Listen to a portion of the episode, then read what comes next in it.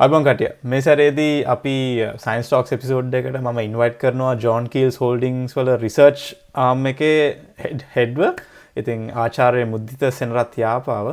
ඉතින් මේක විශේෂත්ව තමයි මොකද ලංකාවේ පෞද්ගලික සමාගමක්. සාමාන්‍යයෙන් කවදක්වත් රිසර්ච් සයිඩ් එකට එච්චර ඉන්ට්‍රස්ටයක් දක්වන්න හැ මොකද ගොඩක් රිසර්ච් කරන්නේ ගවර්මන් ඉන්ස්ටිටියුට් ඒත් එකම යනිවර්සිටස් හැබැයි මේකටයක් ඉන්ට්‍රස්ටිං කතාවක් වෙයි අපිට.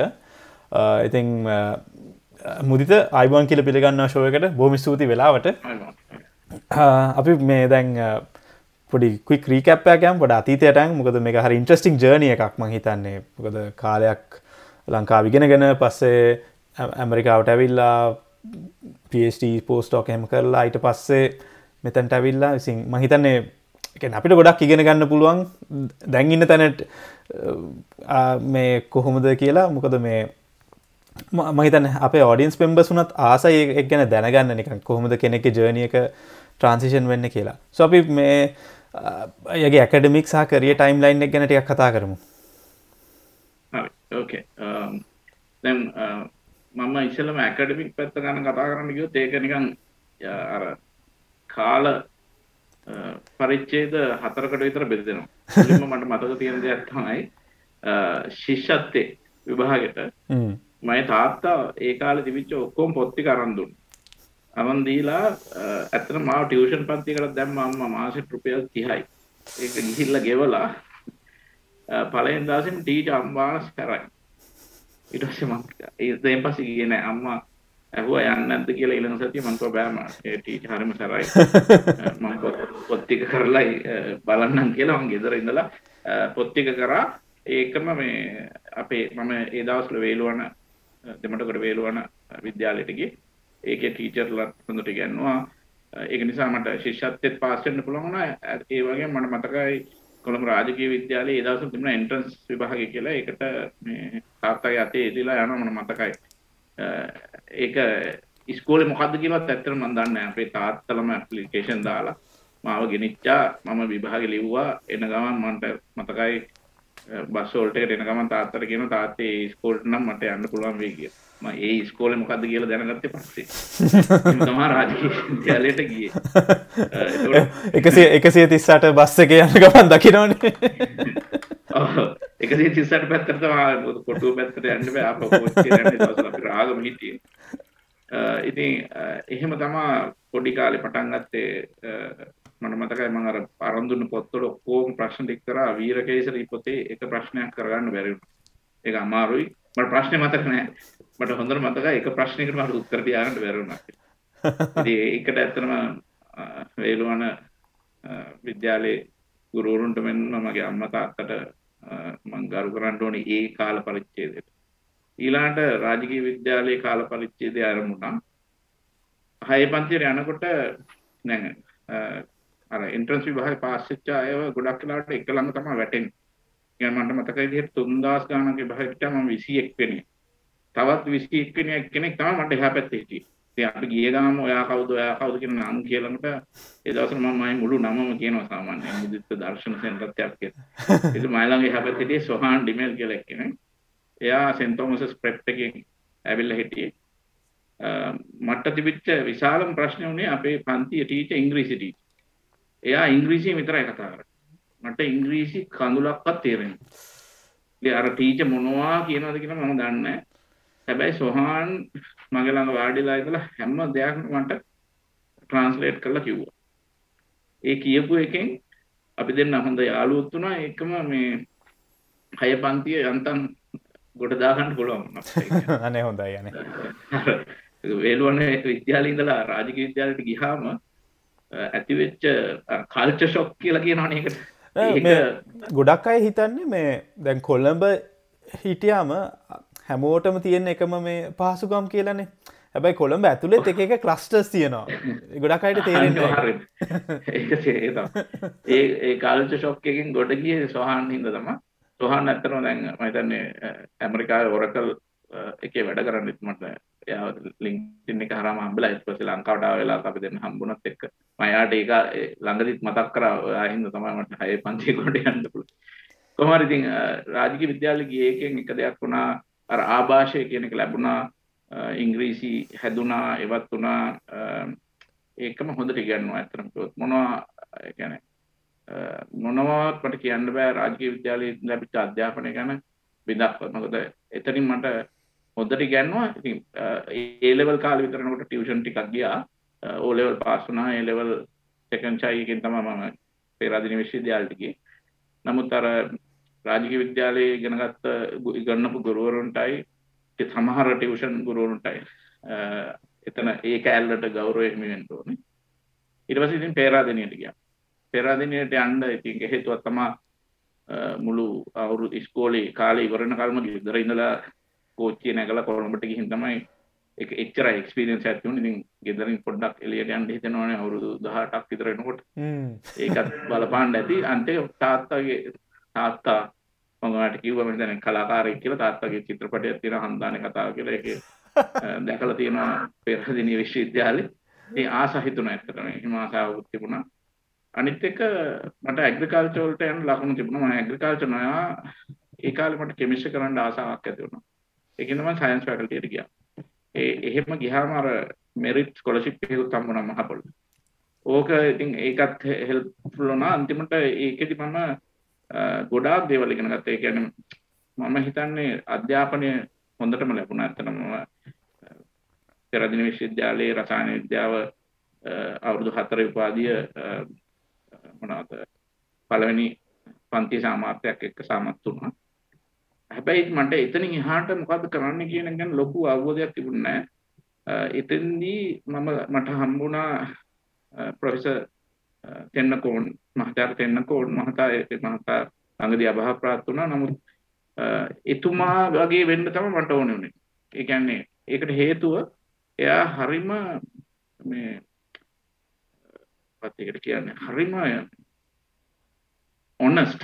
ඒ කියන්නේ මොන හරි කියන්න තියෙනවා නම් ආයේ වටේ එයා ඉන්න කෙලිම කියනවා. ඒ වගේම හරිම සාධාරණ කෙනෙක් කියලා මට හිතුණා. ඒකම මේ එයාව එයාගේ ඥානය කියන්නේ මම දවසක් එයා උද්භිද විද්‍යාව පිළිබඳ ලෙක්චර් එකක් එයා අහගෙන ඉඳලා ඒ ලෙක්චර් එක දීපු මිනිස්සයන් අහපු ප්‍රශ්නයට ඒ මිනිස්සයාටත් උත්තර දී ගන්න බැහැ. ඒ කියන්නේ ඒ මනු ඒ මිනිස්සයා උද්භිද විද්‍යාව කරන්නේ මේ මේ මහාචාර්යවරු රසායන විද්‍යාව පිළිබඳ මහාචාර්යවරු. දැන් මට තේරෙනවා මේ කොච්චර ඈතින්ද කියලා තියෙන්නේ කියලා. ඉතින් ඒ මනුස්සයාට උත්තර දී ගන්න. ඒ මනුස්සයා කිව්වා මේක ටිකක් හොයලා බල යුතු. ඒ කියන්නේ ඒ වගේ අර පුදුම ඉන්ටෙලිජන්ස් එකක් තිබිච්ච මිනිහෙක් කියලා මට හිතුණා. ඉතින් මට හරි ආසයි හිතුණා එයා වගේ කෙනෙක් වෙන්න පුළුවන්ද කියන. ඉතින් ඒත් මම කොහොමද ඒක කරන්න කියන එක දැනන් හිටියේ නෑ. ඒක හරි ඉන්ට්‍රස්ටිං මොකද මේ ඇත්තට වා කතා කරන්නේ මල්ටි ඩිසිපලිනරි සයින්ටිස් කෙනෙක් ගැන. ඉතින් ඒක ඉස්සර කාලේ මේ එච ප්‍රසිද්ධ දෙයක් නෙමෙයි. හැමතිස්සම කිව්වේ මේ යහට ස්පෙශලයිසින්ට වන්තිං එතවට තමයි ඒවා සාර්ථක වෙන්න කියලා කිව් හැබැයි මේ පුද්ගලයා මාර ජෙනරල් ඕවරෝල් වියව එකක් තියෙන කෙනෙක් මම හිතනවා විද්‍යාව හරියට ඉගෙන ගත්තාම හරියට පාච්චි කරපුහාම ඒ වගේ කෙනෙක් වෙන්න පුළුවන්. කැන්නේ ෆන්ඩමෙන්ටල් ප්‍රාථමික දැනුම කියන එක හරියට ග්‍රහණය කරගත්තාම ඒක ඔය හැම විද්‍යාව ඇතුළතම තියෙනවා ඉතින් එතකොට අහන ප්‍රශ්නය සමහරට උද්භිද විද්‍යාව පිළිබඳව නෙමෙයි. සමහරලාට එතන ඒ පර්යේෂණය කරපු විදිහක් ගැන මේ වගේ කරොත් මේ වගේ වෙන්න බැරිද? ඒ කියන්නේ සමහරලාට අර අර උද්භිද විද්‍යාඥයා හිතන පැත්තකට වඩා වෙනස් පැත්තකින් මෙයා ඒ කතාව අහගෙන ඉඳද්දි හිතෙන්න. ඇත්ත ඇත්ත. ඒ වගේ පළල් දැනුණක් තිබිච්ච මිනිසෙක් ඒ දැනුම මේ එයා මේ පාවිච්චි කරපු විදිහට මට ඇත්තටම හරිම ආසාවක් හිතුණා. ඉතින් ලංකාවට ආවට පස්සේ මට යාව එක සැරයක් විතර වගේ තමයි හම්බුනේ අන්ෆෝචුනේට්ලි මේ එයා අපහාප්‍රාප්ත වෙන්න කලින්. නමුත් ඒ එතනදී මට තා හම්බුණා ප්‍රවේශ ගාමිණී රාජපක්ෂ මහතා එක්ක තමයි මම අවසාන වසරේ පර්යේෂණ කරේ. ඒතකොට පළවෙනි වතාවට පර්යේෂණ වලට කියන්නේ රිසර්ච් කියන එකට යම් කිසි එක්ස්පෝෂර් එකක් ලැබුණා. හැබැයි ඒකම ප්‍රොෆෙසර් විජය කුමා දවසක් මට හොඳට මතකයි මාව වාඩි කරගෙන සෙන්රත්යාප මේක තමයි ඔයාලට කරන්න පුළුවන් මේ මේ මේ මේ ඔප්ෂන්ස් තියෙනවා ඇමරිකාවට ගියොත් මෙහෙමයි රුසියාවට ගියොත් මෙහෙමයි ඔස්ට්‍රේලියා වගේ රටකට ගියොත් මෙහෙමයි ලංකාවේ හිටියොත් මෙහෙමයි කියලා ඒ මුළු පරාසය ගැනම මට එක දවසක් කියලා දුන්නා. නමුත් මට ගොඩාක් උදා කරේ ප්‍රොෆෙසර් නාමල් හින්කෙන්ද එයාගේ ඊමේල් එතකොට අපිට ඊමේල් නැහැ. එතකොට US වලට ඊමේල් එක ලියන්න ප්‍රොෆෙසර් නාමල්ට මම අතින් ලියුම ලියලා දෙනවා. එයාගේ ඊමේල් එකෙන් ලියලා තමයි මට ඇප්ලිකේෂන් ගෙනල්ලා දුන්නේ. මට ඔය හැමෝම මට රෙකමෙන්ඩේෂන් ලෙටර්ස් ලිව්වා ඉතින් ඒ උදව් කරපු ඒ ඒ එක්කම ඉතින් ජීවිතය ගැනත් යම්කිසි දෙයක් ඉගෙන ගත්තා ගෙදරින් පිට පළවෙනි වතාවට ජීවත් වුණේ මහපොළ ශිෂ්‍යත්වයේ අම්මත් මට සල්ලි දුන්නා ඉතින් ඒ දවස්වල අපි ඒ කියන්නේ සල්ලි ටික මැනේජ් කරගෙන මොකද ගෙදර ඉන්නකොට ගානක් නැහැ නේ මොකක් හරි වුණොත් මේ ගෙදරින් ඉල්ල ගන්න පුළුවන් අරහේ ඉන්නකොට එක පාඩම ඉල්ල ගන්න කෙනෙකුත් නැහැ. ඉතින් එහෙම ඒ පැත්තත් පොඩ්ඩක් පුරුදු වුණා. ගෙදරින් පිට ඉඳලා තමන් කරන සල්ලි වේදම් කරන්නේ. ඒකම කොහොමද අනිත් මිනිස්සු එක්ක ජීවත් වෙන්නේ? කොහොමද පොලිටික්ස් වගේ දේවල් කතා කරන්න ගිහිල්ලා මිනිස්සු එක්ක රණ්ඩු නොගී ගුටි නොකා බේරලා යන්නේ ඒ වගේ දේවලුත් ඉගෙන ගත්තා. ඒ වගේ මම මම අර අර ප්‍රොෆෙසර් රාජපක්ෂ වගේම ප්‍රොෆෙස් ප්‍රයිස් දෙන්නකෝ වගේම මමත් සාමාන්‍යයෙන් බ්‍රූටලි ඔනස්ට් කියන දෙයක් කියනවා ඉතින් එතකොට ඒ වහින්ද සමහර යාළුවෝ එක්ක මම කියන්නේ සමහරලාට ප්‍රශ්න ඇති වුණා. නමුත් ඒ කියන්නේ මම යාළුවෝ එක්ක නෙමේ. ඒ කියන්නේ පොලිටිකල් දේවල් පිළිබඳව. මම නැගිටලා කතා කරනවා ස්ටුඩන්ට් යුනියන් මීටින් වල එහෙම ඒ යාළුකම කියන එක නැති කරගන්නේ නැතුව කොහොමද ඒවා කරන්න කියන එක ඉගෙන ගත්තා. එතනදි කියන්නේ යාළුකමක් ගැන නෙමෙයි කතා කරන්නේ අපි. කතා කරන්නේ මොකක් හරි අයිඩියාස් දෙකක් ඒක ගැන කතා කරන්න අපි ඉගෙන ගත්තා. ඉතින් ඒවා යුනිවර්සිටි එකකදී මම හිතනවා ලැබිය යුතු දේවලුත් කියලා. මොකද මමත් අර ඔයා මං දැක්කා බේෂාන් එක කතා කරන බේෂාන් මම යාළුවෙක් ඔය ඇරිසෝනා හිටපින්ද මම ඒක ඊළඟ පරිච්ඡේදය. මේ ඒකෙදි මේ එයත් කියනවනේ අර ස්කවුටින් ගියේ හින්දා තමයි ඉස්සරහා නැගිටලා කතා කරන්න පුළුවන් කියලා මට හිතන්නේ මට ඒක ඇත්තටම ගොඩක් සිද්ධ වුණේ යුනිවර්සිටි එකේදී ඒ බය නැති වෙලා ගියා ඉතින් අර 200 300 ඉස්සරහා නැගිටලා මොන හරි දෙයක් කතා කරනකොට සමහරලා ඉතින් කොන්ට්‍රොවර්ෂල් දේවල් කියලා මිනිස්සු ඉතින් එහෙම ලොකු ප්‍රශ්නයක් ඇති වුණා. ඉතින් අර කොහමද ඒ පරිච්ඡේදය එහෙම නිම වුණා. ඊට පස්සේ ඉතින් ඇරිසෝනා විශ්වවිද්‍යාලයට ගියා ආචාර්ය උපාධිය සඳහා. ඇරිසෝනා වලට යන්න එක හේතුවක් වෙන මට විශ්ලේෂණ රසායන විද්‍යාව එහෙම නැත්නම් ඇනලිටිකල් කෙමිස්ට්‍රි තමයි මට කරන්න ඕනේ උනේ. ඒක ඇනලිටිකල් කෙමිස්ට්‍රි වලට ඒ දවස්වල US වල ඇමරිකාවේ හතරවෙනි තැන ඒ කියන්නේ fourth rank fourth. ඉතින් ඒක තමයි මම ඒක ඉන්න මම කොහොම කැමති වුණා එතන මට හම්බුනහම ගිහිල්ලා මම මේ හරිම ටෆ් ප්‍රෝග්‍රෑම් එකක් මම ඊයේත් මේ කවුරු හරි එක්ක මතක් කරා ඊයේද පෙරේදද ඒ කියන්නේ එක එක්ස්පෙරිමන්ට් එකක් තිබුණා ඇනෝඩික් ස්ට්‍රිපින් වෝල්ටමෙට්‍රි කියලා ඒක දවල් 11ට පටන් අරගෙන මේ ප්‍රැක්ටිකල් පන්තියක් මේක මේ මගේ රිසර්ච් වලට අදාළ එකක් නෙමෙයි ඉගෙන ගත්ත කෑල්ල දවල් 11ට පටන් අරගෙන රෑ දෙක ඉවර වෙනවා ඒ එක දිගටම වැඩ කරලා තමයි ඒක ඒක ඉවර කරලා. ඉතින් ඒ වගේ සම අමාරුවෙන් හැබැයි ඉතින් ඒක ලොකු එක්ස්පීරියන්ස් එකක්. එතනදි මට මගේ research director professor S Scott සාවෙද්ද කියලා. එයාට මම අර එයාට මම කිව්වනේ මම අර අර ප්‍රොෆෙසර් වගේ වෙන්න ඕනේ කියන එක මම දවසක් මොකක් හරි එකකදී කියලා එයා මට කිව්වා මුදිත you don't have to be anybody be yourself කියන්නේ ඔයාට වෙන කවුරුවත් වෙන්න ඕනේ නැහැ. ඔයා ඔයා වෙන්න කියලා. ඒකම යා මට තව කියපු එකක් තමයි if we want to be a good chemist start thinking like a molecule. ඒ කියන්නේ ඔයාට හොඳ රසායන විද්‍යාඥයෙක් වෙන්න ඕන නම් මොලිකියුල් එකක් අණුවක් වගේ හිතන්න පුරුදු වෙන්න. ඒක ඉතින් එහෙම කිව්වහම කියපු පණමනින්ම හරිම ලේසි වගේ කියලා හිතුණාට ටිකක් අමාරුයි. ඒක අණුවක හැඩය දිගපළල ඔය ගොඩක් දේවල් තියෙනවා තර්මොඩයිනමික්ස් කයිනටික්ස් ඔය හැම එකක්ම ඒක පැටලිලා එනවා. ඉතින් ඔක්කොම ටික අර සම්පූර්ණ විද්‍යාඥයෙක් වෙන එක තමයි එතන යා මට එක පෙන්නපු දෙයක්. ඒ පොයින්ට එක ගැන මම මේ බැලුවේ එකන්නේ වගේ ප්‍රොෆෙස මට හිතනවා හොඳ භෞතික විද්‍යාත්නයක් කියලා. මොකද අර භෞතික විද්‍යාත්ය හැට අප හැමදේම පොඩි කෑල්ලකට කඩලන අපි එතනින් මේ ටිකට එකතු කරගෙන යන් ට්‍රයි කරන්නේ.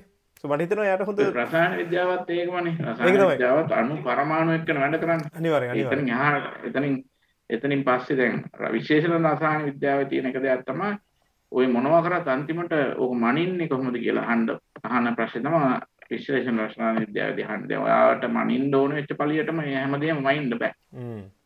එතකොට මනුම මිනුම ගන්න කොහොමද? ඒකට ඔය මම ඔයාත් එක්ක මේක පටන් ගන්න ඉස්සෙල්ලා පොඩ්ඩක් කතා කර කර හිටියේ මං කිව්වේ මගේ ටීම් එකට මං කියන්නේ අර මැගයිව කියලා ටීවී ප්‍රෝග්‍රෑම් එකක් තියෙනවා. ඒකේ වගේ සමහරලාට හිතන්න ඕනේ. ඒකේ අවස්ථාව අනුව එතන මොනවද තියෙන්නේ කොහොමද මේක මට ඕනේ මෙෂර්මන්ට් එක ගන්න මම කොහොමද මේක කරන්න කියන එක. ඉතින් එන්නේ දැනුම එතනදී ලැබුණා ඇත්තටම. හරි ඒ කියන්නේ මගේ මම හරිම කැමතියි මගේ රිසර්ච් ඩිරෙක්ටර්ට ඇත්තටම ගොඩක් වෙලාවට PhD එකක් දැන් කරන නිසා PhD එකක් කරනකොට රිසර්ච් ඩිරෙක්ටර්ගේ කොටස සෑහෙන විශාලයි. he can make you or break you basically. ඒ කියන්නේ ඇත්තම කියනවනම් මේ යුනිවර්සිටි රෑන්කින් එකට වඩා හොඳ මේ පිසි ඇඩ්වයිස කෙනෙක් ලැබෙන එක තමයි ඇතට මේ ලොකුම චීවමට එක. ඒ ඒ සියට සියම්ම එක එතනදී ඒක ලැබුණට පස්සේ ඉතින් එතනදී මගේ ෆෝමල් එඩියුකේෂන් එකන් සාමාන්‍ය විදිහට කියනවන එඩියුකේෂන් එක අර අධ්‍යාපනය එතනින් ඉවර වෙනවා.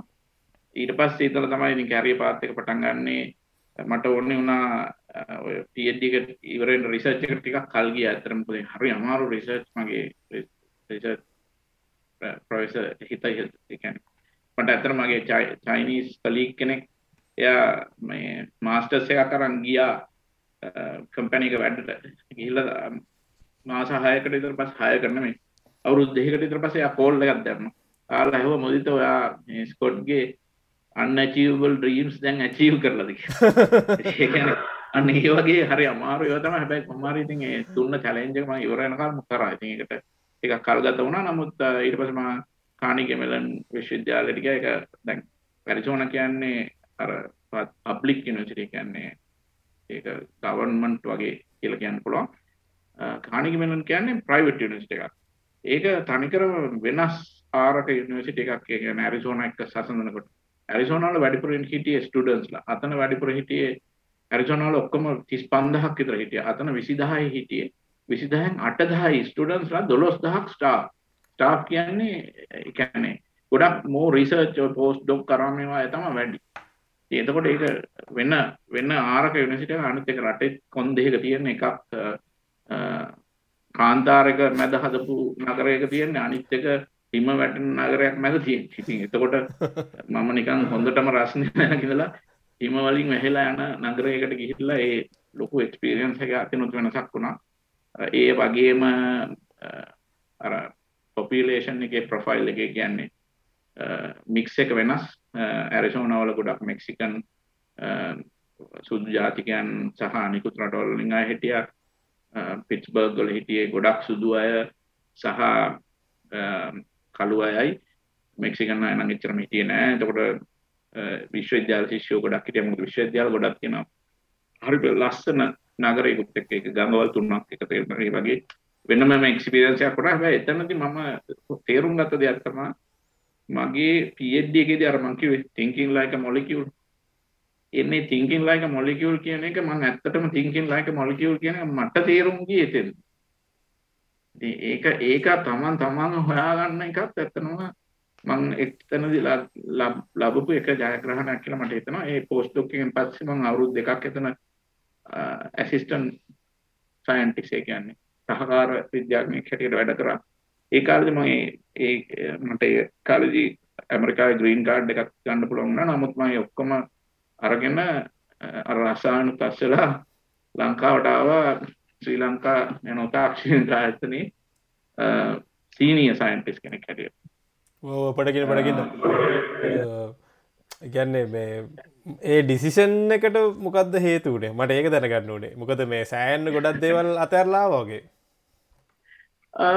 ඔව් ගොඩක් දේවල් අතැරලා ඇත්තනපුුවත් ඩිසිෂන් එකට හේතු එකක් කියලා කියන්න බෑ. මට මං හිතන්නේ මෙහිම කාටවත් එහෙම එක හේතුවක් තියෙනවා කියලා ඒ වගේ ඩිසිෂන් එකක් ගන්නකොට ආසන්නතම හේතුව වුණේ මගේ තාත්තට පොඩ්ඩක් අසනීප වුණා.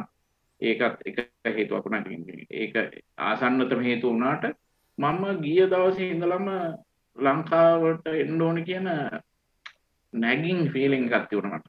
ඒ කියන්නේ ඒකට එකතු වුණා සමහරලාට මට කෑම මිස් වුණා යාළුව මිස්සන ඇවත් වුණා. ඉතින් එතකොට අර කල්චරල් මිස් වීමකුත් තිබුණා. ඇත්තට මට කැලරි යුනිවර්සිටි එකේ ප්‍රබේෂන් ලෙක්චර් කමක් තිබුණා මම ඒක අතෑරලා තමයි අර පෝස්ට් ඩොක් එක මේ සල්ලි ගෙවලා ඔක්කොම කරලා මම ඒකෙන් රිසයින් වුණා. ඒ කියන්නේ බොන්ඩ් එක සයින් කරලා යන්න ඕනේ ඔක්කොම ගෙවුවා ගෙවලා අයින් වෙලා තමයි මම මේ හිටියේ ඒ වෙනකොට. මට ඔන්න හිට වෙලා ඉන්න තිබුණා නමුත් අර ඔක්කොම දේවල් එකතු වෙලා අන්තිමට මට හිතුණා ලංකාවට එන්න ඕනේ කියලා. එකක් ඉතින් ඒ දවස්වල මම මැරීඩ් ඉතින් එතකොට මම අර අපි තැන් දෙක හිටියේ ලංකාවට ආව නම් එක තැනක ඉන්න පුළුවන් කියන වගේ හැඟීමකුත් තිබුණා. ඒක ඇල්ල නම් ඇත්තටම වැඩ කරේ නෑ. නමුත් අනිකුත් දේවල් අර ඔය ලංකාවේ තියෙන ඒ කියන්නේ අපි දැන් පිට්ස්බර්ග් වල මම ගොඩක් එන සීතලේ කණ්ඩ ඒ කියන්නේ කෑම ඉතින් ඇමරිකන් කෑම විතරනේ ගොඩක් ලාඩ අපිට වගේ කෑම අපේ කෑම වගේ ගන්න තැනකුත් ඒ හරිය නැහැ. ඉතින් ඒකට මට කෑමත් ගොඩක් මිස් වුණා ඇත්තට බොරු කියන්න ඕනේ මොකද මේ කියන්නේ මම කියන්නේ තනියනුත් ගොඩක් ඉඳලා තියෙනවා. එතකොට ඒ ඉන්නකොට ඉතින් උයාගෙන කනවා. ඉතින් ඒ වගේ මං උයාගෙන කන එකයි අම්මා උයලා දෙන එක අතර ආසයි පොළොව තියෙන ඒ වගේ දේවලුත් තුනයි. හරි ඉතින් ඒ වගේ ඉතින් අර මම හිතනවා එක දෙයක් කියලා කියන්න බෑ. හැබැයි ඉතින් මට එහෙ ලංකාවේ යාළුවෝ ගොඩක් හිටියා ලංකාවේම අය ඒ ගිහිල්ලා රස් එහෙ රස්සාවල් කරන එහෙ ගෙවල් අරගෙන හිටපුවා. ඒගොල්ලන් නම් ගොඩක් කිව්වා යන්න එපා කියන එකක් කිව්වා. ග්‍රීන් කාඩ් එක අරගෙන යන්න කියන එක කිව්වා. ඒක මේන්ටේන් කරන්න කියලා කිව්වා. ඉතින් ඒ ඔක්කොම කිව්වා. සමහර කොටස් මම ඇහුවා. සමහර ඒවා ඉතින් මගේ ස්ටබර්න්නස් එක විසින් අහන්න එපා කියලා කිව්වා. ඉතින් මට හිතුණා මට මට හිතුණා මං හිතුණටත් වඩා මම සාමාන්‍ය මොන හරි දෙයක් කරන්න පටන් ගත්තොත් කොහොම හරි ඒක කරනවා කියන එක මං අතාරින්නේ නැහැ සාමාන්‍ය. බැරි බැරි වෙන වෙලාවල් තියෙන හැමදේම සාර්ථක කරනවා කියලා කියන්න බෑ ජීවිතේ නමුත් අර ට්‍රයි කරනවා මං ඒක සම්පූර්ණයෙන් කරන්න. නෑ ම මොකද එක රිස්ක එකක්. හැබැයි ලයිසෙඩ් එක හේතුවක් තියෙන්න තියෙන්න්නත් බැහැ ගොඩක් හේතු තියෙනවා. නෑ කියන එක ඇත්තක් තියෙන මේ අර එක පාට ගොඩක් මේ ජීවත් වෙලා ඉන්නකොට මාර බෝරිං ගතියක් දැනෙනවා. මොකද මේ කොච්චර යාලු හිටියත් සමහරලාට යාලු පිළිබඳ ප්‍රශ්නයන්නේ ලංකාව හොඳ මිනිස්සුන් ඇතරම හරි හොඳ මන් ජීවිතයට හම්බෙච්චර ඇති ඇමරිකන් යාලු හිටියමට එකන්න ඒ මිනිසු මට ඒ මිනිසුන්ගේ සහෝදරයෙක් වගේ සලකන ගෑනු පිරිමි දෙකොල්ලම හිටිය.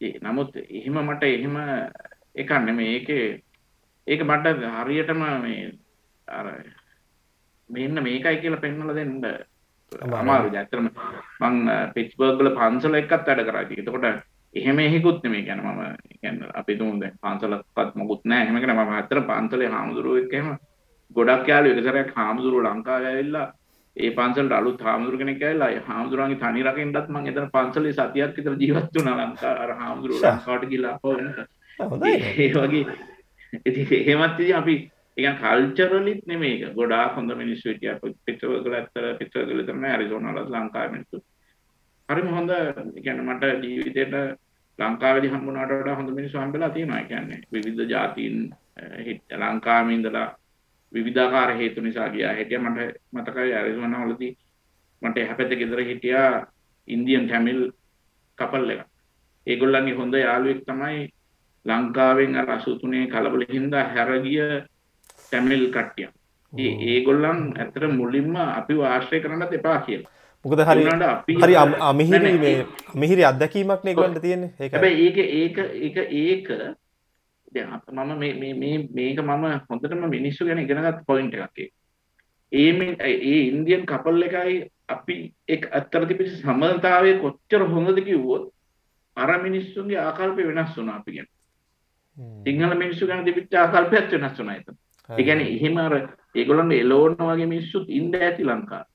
නමුත් ඊට වඩා ගොඩාක් හොඳ මිනිස්සු ලංකාවේ ඉන්නවා. ජාතිය නෙමෙයි මෙතන ප්‍රශ්නේ මිනිස්සු. ඉන්ඩිවිජුවල් මිනිස්සු කියන එක. ඉතින් අපිට අපේ අපේ බිහේවියර් එකකින් සමහරවිට අපිට මිනිස්සුන් වෙනස් කරන්න පුළුවන් කියන එක මම ඉගෙන ගත්ත එක දෙයක් තමයි. මට අම්මා තාත්තා කියලා දුන්න එක දෙයක් තමයි හොඳ මිනිහෙක් වෙන්නේ කොහොමද කියලා. ඒක වෙනස් කරන්න අවශ්‍යතාවයක් නැහැ මට හම්බෙන අනිත් මිනිස්යාගේ බිහේවියර් එක. නෑ. නැතත මමට මේ මන්ඩ මේ මට හිතුන අයිඩියක් තමයි මේ කතාවාහාගෙන ඉන්න ගමන් දැන් මට හිතුන මගේ පොයින්ට පීවක තමයි දැන් මුදිත යම් කිසි චීප් කරන්න පුළන් උපරිම ලෙවල් එකට ආවා කියලා ඇමරිකාවේ. මට හිතුන ඒකයි.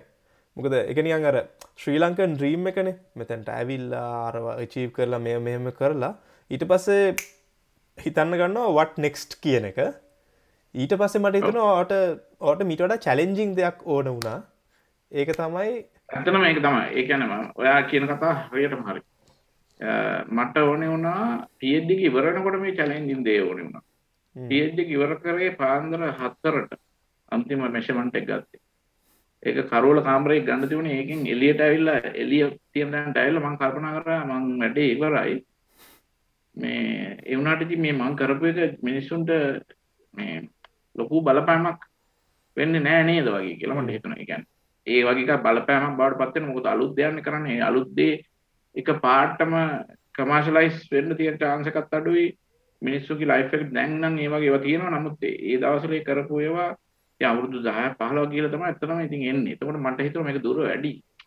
ඊට වඩා මිනිස්සුන්ට වෙනසක් කරන්න පුළුවන් තැනකට යන්න ඕනේ කියලා. ඇති මම මං කාණිගි මිලන් ගැන කිව්වට මම එතන කරපු දේ ගැන කිව්වේ නැහැ. එතන මම පෝස්ට් ඩොක් එක කරේ ආර්ට් කන්සර්වේෂන් රිසර්ච් සෙන්ටර් එකේ. Art conservation research centre. ඒ කියන්නේ ඔය අපේ සීගිරි ප්‍රෙස්කෝ අරමේ ඒවා තියෙන. ඒ කියන්නේ අපේ රටේ කොච්චරනම් කල්චරල් ආර්ට් ඔබ්ජෙක්ට්ස් තියෙනවා. ඒවා අපි ඔය වැස්සට දෙවෙනවා අවුවට වේලනවා කවුරුත් ඒවා ඒ කියන්නේ මම එහෙම මම දන්නේ නැහැ. අතට පොර කියන්න ඕනේ මේ සමහරට රකින්න මිනිස්සු ඇති ඒතෝඩේ මිනිස්සු අප්සෙට් එකයි මම එහෙම කිව්වා කියලා. එහෙම ගන්න මම කියන්නේ. අර දැන් ඔය යුරෝපයේ තියෙනවානේ ද ඩේවිඩ් කියලා ස්ටැචු එකක් අහලා ඇතින. එක බොහොම ද ඩේවිඩ් කියලා ගැහුවොත් ඒක බොහොම ප්‍රසිද්ධ ස්ටැචු මයිකල් ඇන්ජලෝගේ නිර්මාණයක් නේ. මයිකල් ඇන්ජලෝ yes ඒක ඒක ගැන අපි එක්සරයක් කතා කරා ඒක ක්ලීන් කරන හැටි ගැන. ඒකෙදුව ලේස ක්ලීනිං අරම මේවා ඒ වගේ ඒවා මිනිස්සු ට්‍රයි කරලා තියෙනවා එකම මෙව කරන්න ඉතින් මම එක සැරයක් ඉතින් මම මේ සම්පූර්ණ සයින්ටිස්ට් කෙනෙක් නේ දැන් මේ ආර්ට් කන්සර්වේෂන් රිසර්ච් එකට ගිහිල්ලා ඉන්නේ ඒකට මට තේරුණේ නෑ මේක ගැන හිතන ඉතින් මං කිව්වා ඔක දැන් ලේසර් එකෙන් නුත් වෙන්නේ හීරලා යන එක මේ මොකක් හරි කරගෙන ස්ක්‍රේප් කරලා දැම්මම දාන්න බැරිද කියලා ඒක කිව්වහම දේව يعني ඒගොල්ලන් එකපාරට ෂොක් වුණා කියලා එහෙම කරන්න බෑ මොකද ආටිස්ට් ටච් කියන එක අයින් කරන්නේ නැහැ මේ රෙස්ටොරේෂන් වලදී. ඉතින් අපේ රටේ ඔය වගේ හිතනවාද කියන එක මම දන්නේ නැහැ. ඉතින් මට හිතෙනවා මම ඒ ඒ කාලේ එතෙන්ට යනකොටත් හිතුවේ මම ඇවිල්ලා ලංකාවේ ඒ ඒ කවුරුත් ඒ වගේ වැඩ කරන්නේ නැති ෆීල්ඩ් එකක වැඩ කරනවා කියලා.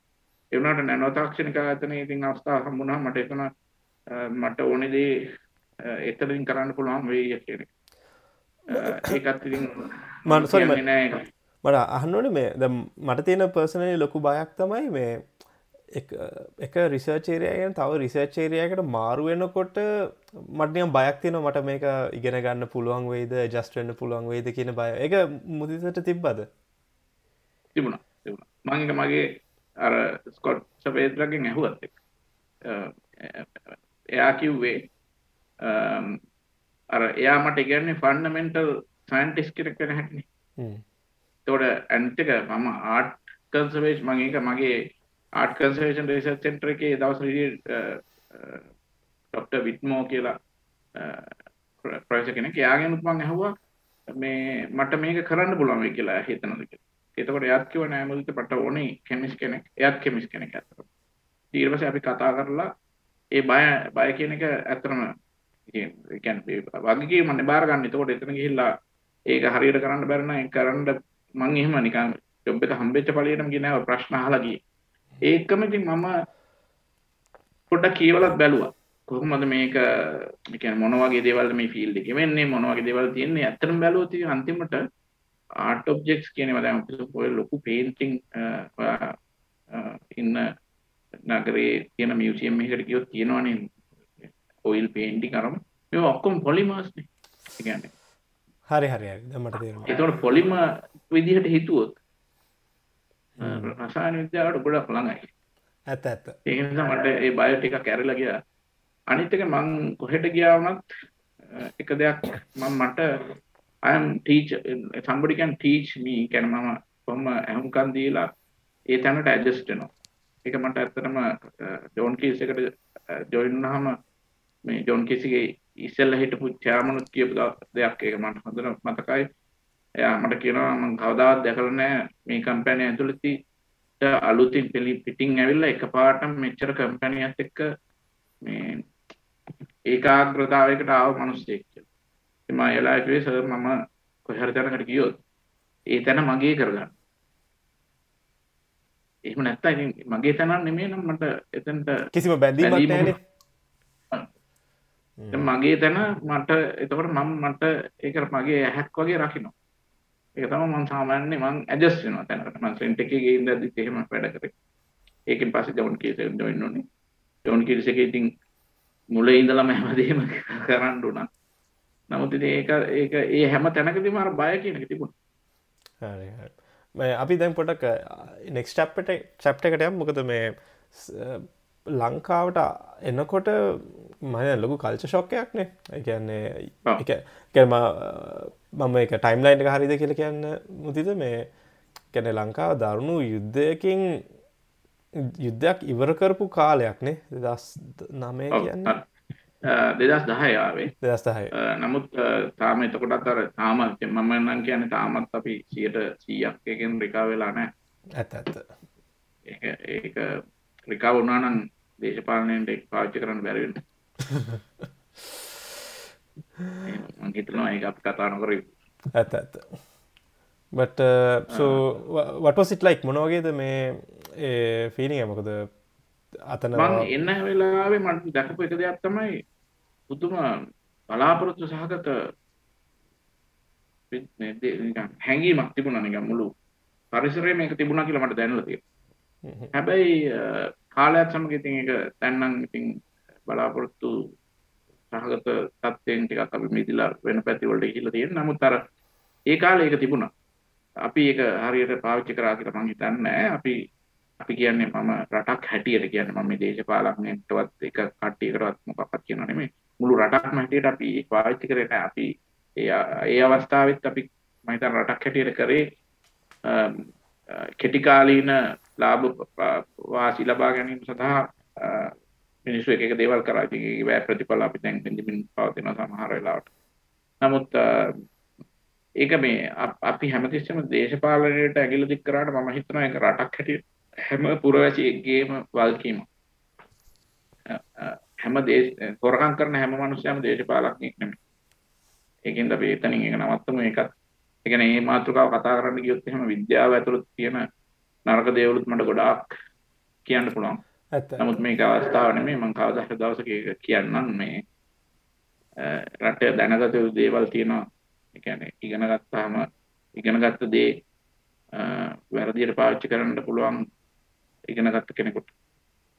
එහෙම වෙන අවස්ථාවල් තියෙනවා. ඉතින් ඒවා සමහරලාට සභා ධර්මයේ විසින් මේවා විසඳලා තියෙන වෙලාවලුත් තියෙනවා. මම එහෙම ඒවත් අවස්ථාත් කීපයක් දැකලා තියෙනවා. නමුත් ඉතින් ඕක අර අපි රට රටට ආදරේ නම් අපි කරන දේ රටට යම්කිසි වාසියක් වෙන්න නම් කරන්න. මගේ වාසිය එකත් එක්ක ඒකට පස්සේ ලැබෙයි කියලා බලාපොරොත්තුෙන් කරන මිසක් ඒකෙන් වාසිය අරගෙන පස්සේ රටට කරන්න වගේ කරන විදිහ මම හිතන්නේ ඒක හරි විදිහට. අපි කරන දේ අපි තුම අපි අලුත් තාක්ෂණයක් දියුණු කරලා ඒක මාකට් එකට ගෙනහිල්ලා ඒකෙන් රටට ආදායමක් ගෙනාවොත් දැන් මගේ පැත්තෙන් ඔයගොල්ලෝ කියන්න පුළුවන් මම ජෝන් කීසර්නේ ආදායම ගෙනින්. ඔව් ඇත්තම ජෝන් කීස හැබැයි ලංකාව ඇතුළේනේ තියෙන්නේ. එතකොට අපි ජෝන් කීස් එකට ගෙනාවත් ඒක ලංකාවට එන්නේ. එහෙම වුණාම ඒකෙදි ජෝන් කීස් එකෙන් මට කීයක් හරි දෙයිද? නැත්නම් මේකයි ඒක නෙමේ පරමාර්ථය. මට කීයක් හරි මේක කීයක් හරි හම්බ කරන්න පුළුවන්ද ඒක නෙමේ පරමාර්ථයට ඉතින් එහෙම එහෙම කරනවා නම් මම හිතනවා අපිට මේ රට වෙනස් කරන්න එච්චර අමාරු නෑ. එහෙම කරන මිනිස්සු ඉන්නවා ඇත්තටම. අඩුයි තාම. නමුත් ඉස්සරට වැඩිය ටිකක් ඉන්නවා කියලා මට හිතෙනවා. අපි බලමු ඉතින් ඒක. බලාපොරොත්තු සහගතව ඉන්න ආරෙන්ද කරන්න බෑ වෙන. ඒක තමයි මේ මම හිතන්නේ අපේ කර්තව්‍ය කරන එක මේක සක්සෙස්ද ෆේලියද වෙන එක කාලය විසින් තීරණය කරයි කාලය විසින් තීරණය කරයි මොනවගේ එක්ස්පිරියන්ස ඇත මේ මුල්ලි දම්ම චෝන් කිල්ස එක මේ රිසර්ච් ආම් එක පටන් ගන්න එක? මොකද හිතන් බන්න මුදිද දැන් දැන් අමතක අමතක දන්න හැබැයි මේ වගේ කම්පනයකටවා කියන හරි අපි රිසර්ච් පටන්ගම් ඉති එක ඉන්නේ සයින්ටිස් ලනමේනේ ඒගුලන් හන ඇති අපිට මේකෙන් ඇති වැඩේ මොකක්ද කොහොමද මේ කන් මෙකුළන් මෙහම කන්වින්ස් කල මේ වගේ දෙයක් පටන් ගත්තේ? ඇත්තටම මට ඒගොල්ලෝ කන්වින්ස් කරන්න උවමනාවක් තිබුණේ. ඒගොල්ලෝ කන්වින්ස් වෙලා තමයි මේක මම එතෙන්ට ගියේ ඒක පටන් ගන්න අවශ්‍ය මිනිස්සයා හිටියට. හරි හරි. ඒකෝට ඒගොල්ලෝ කන්වින්ස් කෑල්ල ඒගොල්ලෝ වෙලා තිබුණා. ඒකට හේතුව ඒ දවස්වල ශ්‍රී ලංකා නැනෝ තාක්ෂණ ආයතනයේ ඩිරෙක්ටර් බෝඩ් එකේ හිටියා අජිත් ගුණවර්ධන. එයා ඒ දවස්වල ජෝන් කීස් එකේ ඩිපියුටි චෑර්මන්.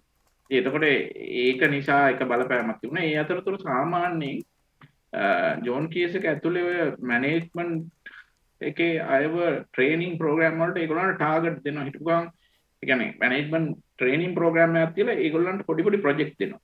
එතකොට දැන් මගේ බොස් මිස්ටර් ගිහාන් කුරේගේ ටීම් එකට ලැබිලා තිබිච්ච ටාගට් එක තමයි ජෝන් කීස් එක නැනෝ ටෙක්නොලොජි වල ඉන්වෙස්ට් කරනවද නැද්ද කියන එක ඒගොල්ලන්ගේ මෑනේ ඒ දවස්වල හිටපු මැනේජ්මන්ට් එකට කන්වින්ස් කරනවා. ඒතකොට ඒකට මම ඒගොල්ලන්ට උදව් කරා. ඒ කියන්නේ මට මතකයි රෑ 9:45 ඉඳලා රෑ 12 වෙනකල් මම ඒගොල්ලත් එක්ක ෆෝන් කෝල් එකේ මම ගෙදර ඒගොල්ලෝ මෙහි ඔෆිස් එකේ කට්ටිය එකතු වෙලා වැඩ කරලා ඊට පහුවදා බෝඩ් එකට ප්‍රසන්ට් කරා. එහෙම ඒ කියන්නේ එන්න කලින් ඉඳලා මම යම්කිසි බැඳීමක් තිබිලා තියෙනවා ජෝර්ජ් කිසි. ඉතින් ඒ දැන් දැන් ඇඳුනන් ගැනීමත් ඇත්තටම හෙල්ප් වුණා මට මෙතෙන්ට එනකොට. ඊට පස්සේ ඒ දවස්වල ශ්‍රී ලංකා නැනෝ තාක්ෂණික ආයතනයේ හිටපු ප්‍රධාන විද්‍යාඥයා ප්‍රොෆෙසර් ගිහාන් අමරතුංග මේ අජිත් මිස්ටර් අජිත් ගුණවර්ධනයි දෙන්න හොඳ යාළුවෝ. ඉතින් එතනින් මට මුදිත කවුද කියන එක එතන අඳුනා ගැනීමක් ලැබුණා. ඉතින් ඊට පස්සේ ඉතින් මට කන්වින්ස් කරන්න තිබුණේ මට මේක කරන්න පුළුවන්ද කියන කෑල්ල විතරයි.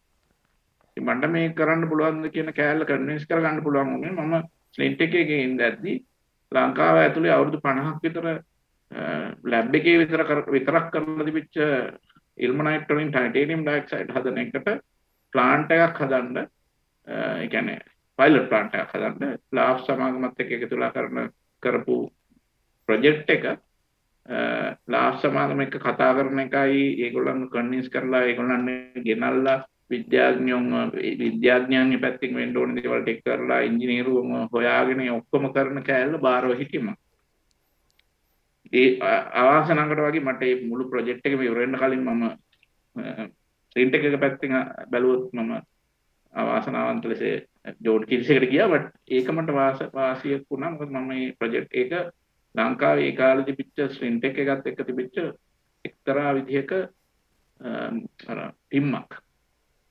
කියන්නේ ලංකාවේ පෞද්ගලික සමාගම් නැනෝ තාක්ෂණය වැනි දේවල් වල ආයෝජනය කරන්න කැමැත්තක් තියෙනවා කියන එක පෙනිච්ච එක අවස්ථාවක්. මම කියන්නේ එකම අවස්ථාව කියලා එක අවස්ථාවක්. ඒ අවස්ථාවට මුල් වෙන්න පුළුවන් වෙච්ච නිසා මට ලොකු එක්ස්පීරියන්ස් එකක් ලැබුණා කමර්ෂලයිසේෂන් පැත්තේ. මේ ඔව් විශ්වාස කරන දෙයක් නෑ මුදිත මේ මම ඉස්කෝලේ යන කාලේ 2010 11 11 තමයි මම A level කරන්නේ. සෝ මගේ ඩ්‍රීම් එක වුණේ මටීරියල් සයින්ටිස් කෙනෙක් වෙන්න මෙන්න මේ ස්ලින්ටෙක් එක ආරංචි වුනාම මොකද මේ ස්ලින්ටෙක් එක මහිතන්න සීෝ ලොකු ඩිරෙක්ට කෙනෙක් හිටිය රවී ෆනෑන්ඩෝ මට මතකනෑ නම. රවී කියන සීෝ රවි ෆනෑන්ඩෝ ඇවිල්ලා කතාවක් දුන්න අපේ ස්පෝට් හොර. සෝ රවී ෆනෑන්ඩෝ ලස්සන මේ ස්පෝට්ස් මීට් එකට ඇවිල්ලා එය සයින්ස් ඩේකටාව සයින්ස් ඩේකට ඇවිල්ල කිව්වා අපි මේ වගේ දේවල් කරනවා ලංකාවේ තියෙන රූටයිල් වැලිවලින් හෙම මේක දේවල් කදනවා ච මගේ මගේ මගේ එතනිමනිය ද්‍රීම් ඇතිප අම්මට සිරි මම ලංකාවේ තියෙන මේ නැචුවල් රිසෝසස් වලින් මොනහරි කම්පනය එක පටන් ගන්න ඕනේ. අන්න ඒ වගේ ගොල්ල ඇතම මට තිබ්බේ බිකොස් මේ ස්ලින්ටෙක් ඉතින් එතනි තමයි මගේ නියන්ටයක් කර එක ෆෝකස් එක මේ එහට කිය මම සයින්ටිස් කෙනෙක් වෙන්න ඕන කියන එක බට එක හරි එක මට හිතාගන්න වැද ගෝම කියන කතාව මගේ චයිල්හුඩ් එක එක්තරා සන්ධිස්ථානයක් ඒක හොඳයි. එක. දැනගෙන කියප ගන්නවෙන් ඇත්තර අපි දෙන්න ඉස්සල්ල මේ පටන්ගන්න ඉසල් පොඩ්ඩක් කතා කරට ඕ කතා කරන ඒක එක මට හිතාගන්නව මේ කනෙක්ෂන් එක කොහොම දාව කියලා. ලංකාව කියන්න බොහොම පුංචි රට ඒක අපි අඳුරන්න අඳුරන කෙනෙක් හොයාගන්න බොම් පොඩි දුරයින අන්ඩුව ඒ ඔය වගේ ඔය වගේ දේවල් වලින් තම අපි කනෙක්් එන්නේ එකැන් සමහරලාට දැන් ඔය අහලා තින් නාලක ගුණවර්ධන කියලා සයින්ස් රයිට කෙනෙක්කින් නාලක දන්නේ නෑ. නාලක මාව දන්නවා නිකන් මම හම්බෙලා තියෙනවා කියපු වතා නමුත් මම කවදාවත් නාලකට කියපු නැති දෙයක් තියෙනවා. මම එයා ඉස්සර දැනුම වෙනම තරඟ වලට එනවා. මේ ආනන්ද විද්‍යාලයෙන් දැනුම වෙන තරඟ වලට. ඉතින් එයාව බලලා මම ටීවී එකේ බලනකොට මට එයා වගේ වෙන්න. ඒක මම ජීවිතේට එහෙම දැනුම වෙන තරඟ වලට ගිහලා නෑ. නමුත් මම මට හරිම මේ ආසාාවක් ඇතිවන නාලක ගුණවර්ධන කියන මනුෂ්‍යයා මට හම්බුණීට අවුරුදු විසි ගානකට විතර පස් නමුත් අර එයා දන්න නෑ එහෙම ඒගොල්ලන් පොඩි දේවල් වලින් සමහරට පොඩි කාලය අපිව ඉන්ෆ්ලුවන්ස් වෙනවා කෙනෙක් හොඳ දේවල් වලින්. නරක දේවල් වලින් වගේම හොඳ දේවල් වලින් ඉන්ෆ්ලුවන්ස් වෙනවා මිනිස්සු. ඇත්ත ඇත්ත සොරි මේ මට මේ සොරි ඉන්ටරප් කරන්න මට මේකන කියන්න හිතුර මේ නිය මට ඩයන්ගර මැවිල පේනවා නිකම් අඩේ මගේ ජීවිතය මේකන මගේ ටර්නින් පොයින්ට් එක් කියලා. Oh, තැංක මේ ඕකේ සෝ මම මේ තව මේ වෙන ප්‍රශ්නයක් අහන්නම්. මේ දැන් මම කියන්නේ මේ මුදිත මේ හිදල තියන්නේ ඇකඩමික් බැක්ග්‍රවන්් එකන ගොඩක් විට. එක කානග මේ ඇරිසෝනාවල් වලයි පසේ මේ කානගි මෙලන් වලයි. පසේ ගොනත් ඉතින් ඒ වගේ තම පස දැන් ජෝකිල්ස එක මහිතන මිටට ඉන්ඩස්ට්‍රියල් ඕරියන්ටඩ් බැක්ග්‍රවන්් යන්නේ? මේ සර්විස් ෝරියන්ටඩ් යන්නේ? මේ කොහොමද මේ මෙට මේ ට්‍රන්සිෂන් වනේ කොහොමද? මොකද අපිට දෙන්න පුළුවන් ඩ්වයිස් අපිට වරදින්න සයිස් හැටියට? දැන් කියන මේක පටන් ගන්නකොට ඇත්තට මේක හරියනද නැද්ද කියලා කියන්න බෑනේ ඕන කෙනෙකුට කිසිම කෙනෙකුට දැන් ලංකාවේ සමහර අය නම් ওই සූත්‍රයස්ලා පස්සේ ගිහිල්ලා එක වාහගෙන මෙහෙම වෙනවා අරෙම වෙනවා කියලා හිතාගෙන කරනවා. නමුත් එහෙම එකක් නැහැ. විද්‍යාඥයෙක් කියන්නේ එහෙම අවශ්‍යතාවයක් නැහැ. විද්‍යාඥයෙක් කියන්නේ මොන හරි දෙයක් ඉගෙනගෙන ඒක ඒක ඒ දැනුම පාවිච්චි කරලා යම් කිසි දෙයක් කරන්න උත්සාහ කරන කෙනෙක්. එතකොට දැන් අපි අපි ටාගට් එකක් නේ හොයාගෙන යන්නේ. කියන්නේ නැනෝටෙක් තාක්ෂණීය ජෝන් කීල්ස් එකට ආයෝජනය කරන්න ඕන වුණ පළියටම මුළු නැනෝ තාක්ෂණයටම ආයෝජනය කරනවා කියලා එකක් නැහැනේ. එතකොට අපි යම් කිසි දේවල් ඒරියාස් ටිකක් අරගෙන ඒරියාස් හයක් මම සජෙස්ට් කරා. ඒ හය අරගෙන ඒ හය අපි හොඳට ඇනලයිස් කරලා අපි ඉස්සෙල්ලාම කරේ ප්‍රෝසෙස් එකක් හැදුවා. ජෝන් කේස් එක කියන්නේ හරිම ප්‍රෝසෙස් ඔරියන්ටඩ් කම්පැනි එකක්. කියන්නේ යම්කිසි ක්‍රමවේදයක් තමයි ඉස්සෙල්ලාම හදන්නේ. ඒතර ඒ ක්‍රමවේදය තමයි මමයි විද්‍යාඥ කණ්ඩායමයි මගේ කණ්ඩායම එකතු වෙලා අදහසක් ඩිවලොප් කරනවා. මොකක් හරි අලුත් අදහසක්. ඒ අදහස ලංකාවටවත් ජෝන් කීස් එකවත් ගන්නලා නෙමෙයි අපි බලන්නේ. අපි බලන්නේ විශාල වශයෙන් ලෝකයේ තියෙන උදාහරණයක් මම මෙහෙම කියන්න. අපි එක කරන්න උත්සාහ කරාම හරියටම කරලා ඉවර නැති නමුත් උත්සාහ කරපු ප්‍රොජෙක්ට් එකක් තමයි දැන් ඔය ලෝකේ තියෙන කෘෂි බිම් ගොඩක් ලවණතාවය වැඩි වෙගෙන යනවා. එතකොට ඇමරිකාව සොරි ඕස්ට්‍රේලියාව ලංකාවේ වුණත් මොකද වැස්ස වැටෙනකොට වැස්සත් එක්ක යම්කිසි ලවණ ප්‍රමාණයක් පසට වැටෙනවා ඒක මට මතක විදියට කිලෝග්‍රෑම් 10ක් විතර අවුරුද්දට එකතු වෙනවා සෝඩියම් ක්ලෝරයිඩ් වගේ එතකොට ඒ වගේ වැඩිවීමකදී කාලයක් සමග ලවණතාවය වැඩි වෙනවා දැන් ඕස්ට්‍රේලියාව වගේ රටවල් වල 50කට විතර කිට් වෙන්නේ ලවණතාවය වැඩි වෙච්ච ප්‍රදේශ තියෙනවා එතකොට ඒ ප්‍රදේශවල දැන් නැවත වගා කරන්න බැරි වෙනවනේ කාලයක් යනකොට කලින් වැවිච්චව වැවෙන්නේ. එතකොට අපි කොහොමද මේ වගේ ප්‍රශ්නයකට උත්තරයක් හොයන්නේ? උත්තරය හොයන්න විදි දෙකක් තියෙනවා. එක්ක ලවණතාවයේ පස්සේ අඩු කරන විදිහක් හොයන්න ඕන. එහෙම නැත්නම් ගහ ලවණ වලට ඔරොත්තු දෙන ප්‍රමාණය වැඩි කරන්න. ওই දෙකනේ කරන්න තියෙන්නේ. මොකද වී වවනවා නම් වී වී ගත්තොත් වී මුදු වතුරේම වන්න බෑනේ. ඒකෝට අන්න ඒ වගේ තත්ත්වයකට අපි කොහොමද ගේන්නේ? ඒකම අපි මෙහෙම හිතමු. අපි ගොඩාක් කතා කරනවා ඕෂන් ඇසිඩිෆිකේෂන් කියන්නේ මුහුදේ ආම්ලිකතාවය වැඩි වීම කාබන් ඩයොක්සයිඩ් වැඩි වීම නිසා. එතකොට ওই වගේ එකදී අපි කොහොමද ඒ කාබනිකතාවය නැත්නම් ආම්ලිකතාවය වැඩි වෙච්ච කාබන් කාබන් ඩයොක්සයිඩ් ඩියෝච් එක පාවිච්චි කරලා ඒවැ වැවෙන ප්ලාන්ට් එකක් හැදුවොත් CO2 එන්වර්මන්ට් එක අඩු කරන විදිහක් හැදුවොත් ඒ ඒ ඔක්කොටම අර ලවණ වලට උරුත් දෙන විදිහේ ප්ලාන්ට් තියෙනවා ඊට පස්සේ වා නිකන් හිතලා බලන්න මිඩල් ඊස්ට් වගේ පැත්තක ගොඩාක් මූදු වතුර තියෙනවා ගොඩාක් හිස් බිම් තියෙනවා. මුකුත් වවන්න විදිහක් නැහැ. මුදු වතුරේ වැවෙන ප්ලාන්ට් එකක් හැදුවොත් ටොමේටෝ ගහක් හැදුවොත් නැත්නම් රයිස් ගහක් හැදුවොත් රයිස් ප්ලාන්ට් එකක් හැදුවොත් ඒක පුළුවන් අපිට ගිහිල්ලා එතන වවන්න. ඒ ඒ වගේ අර ලොකු ඩ්‍රීම් එකක් කිතා පටන් ගන්න. ඒ ප්‍රශ්නේ ඒ වගේ එකක් විසඳන්න. එතකොට ඕක උච්චර හිතපු පළියට ඒක එකපාරට හදන්න බෑ. ඊට පස්සේ ඒක නැරෝ ඩවුන් කරගන්න ඕනේ රිසර්ච් ප්‍රොජෙක්ට් එකක් හැටියට. ඊට පස්සේ ඒක සයන්ස් හරිද සයින්ටිෆිකලි මේක කරන්න පුළුවන්ද ඒ ඔක්කොම ටික හිතනවා. හිතලා ගිහිල්ලා අපි මැනේජ්මන්ට් එකට ওই කතාව කියනවා.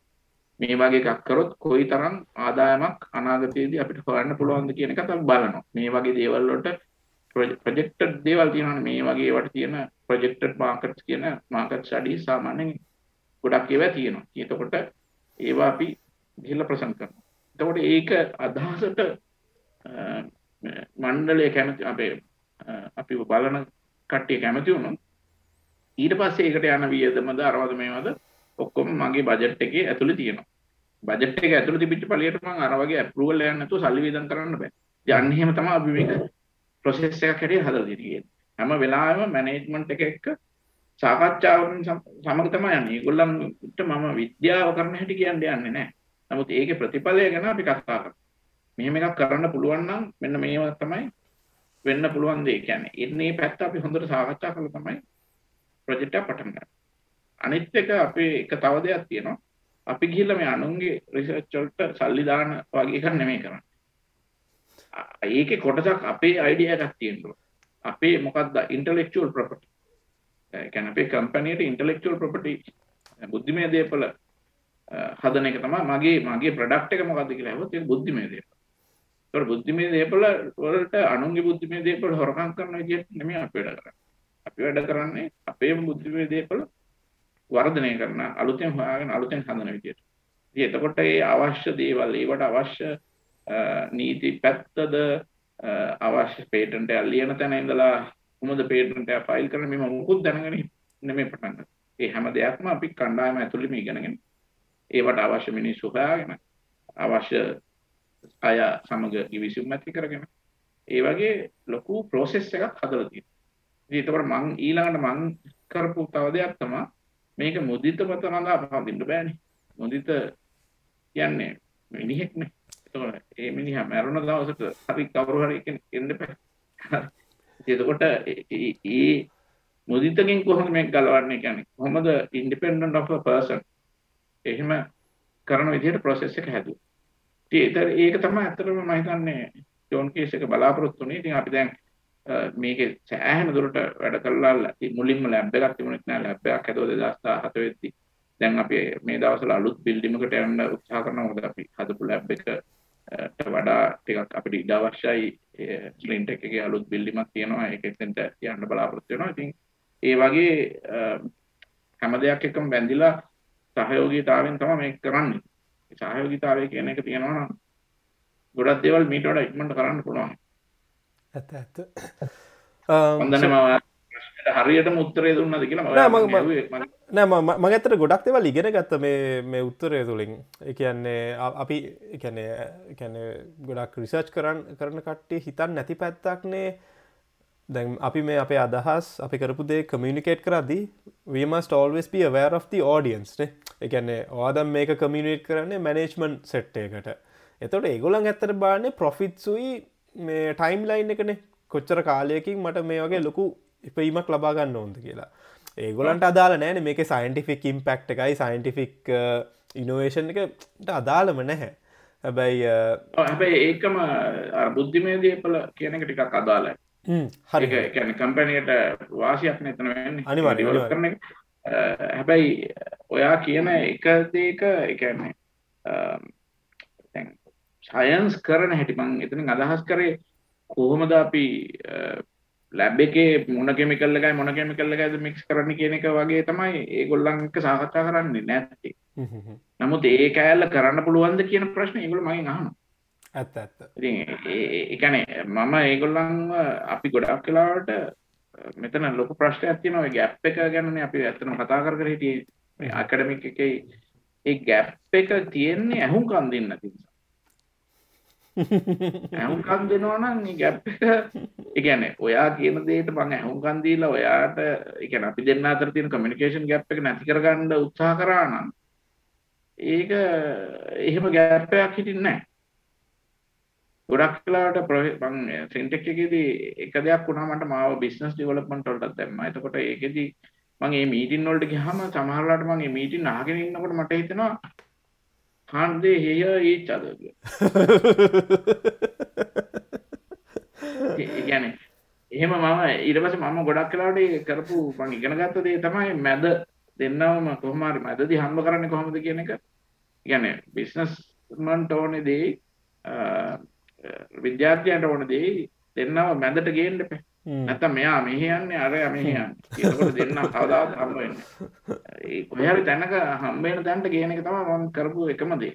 ඉතින් ඒකෙන් මම යම්කිසි අර කමියුනිකේට් කරන විදිහක් ඉගෙන ගත්ත දෙපැත්තම බැලන්ස් කරගන්න. ඒක ඉතින් හයුම්කන් දීමම තමයි කරන්න පුළුවන්.